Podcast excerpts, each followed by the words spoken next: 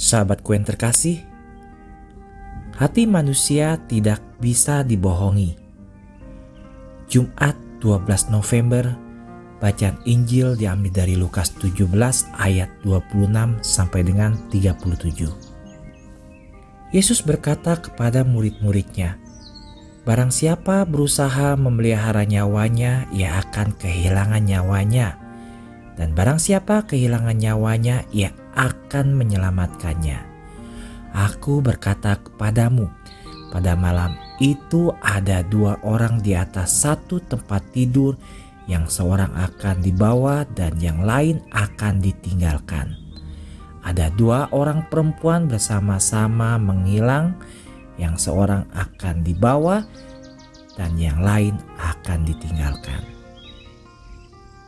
Sahabat, Pernyataan di atas tampaknya kontradiktif atau tidak masuk akal, tetapi pada kenyataannya mengungkapkan suatu kebenaran. Yesus menjelaskan bahwa mereka yang mengkhawatirkan kebahagiaan, mereka akan kehilangannya. Jika Anda ingin menikmati hidup, Anda harus menderita. Jika Anda ingin menang, anda harus kalah. Jika Anda ingin hidup, Anda harus mati.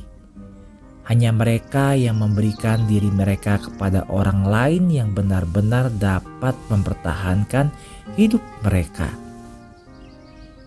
Hanya mereka yang menggunakan kebebasannya untuk melayani Tuhan menjadi benar-benar bebas.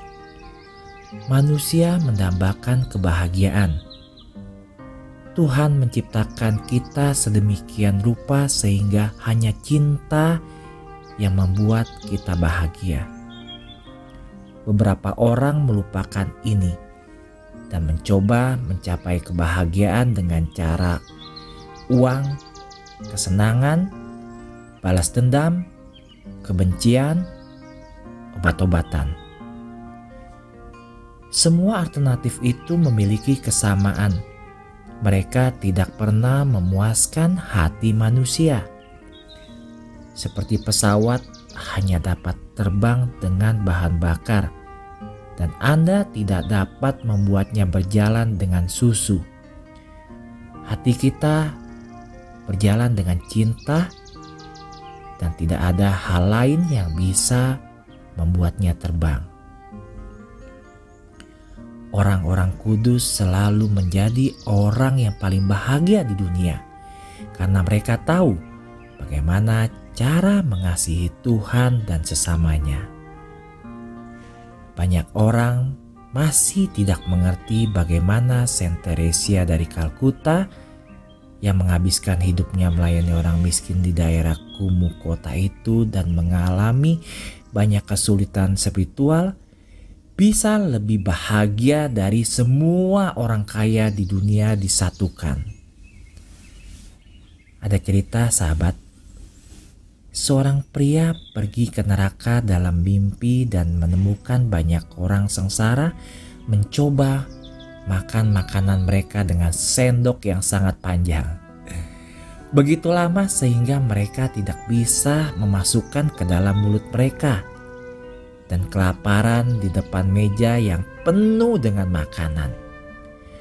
Kemudian ia mengunjungi surga dan melihat pemandangan yang sama persis, kecuali dia melihat semua orang berseri-seri dengan gembira karena setiap orang menggunakan sendok panjang untuk memberi makan orang di seberang mereka. Perhatian yang penuh kasih untuk kesejahteraan orang lain berarti setiap orang diberi makan. Dengan memberikan segalanya, semua orang menerima semua yang mereka inginkan. Maria, Ratu segala orang kudus, bantu saya untuk mengingatkan bahwa hanya dengan memberikan segalanya, saya akan mendapatkan segalanya. Dan hanya dengan memberikan diri saya sepenuhnya, saya akan bahagia sepenuhnya. Bunda Maria, harapan kita dan tata kebijaksanaan, doakanlah kami.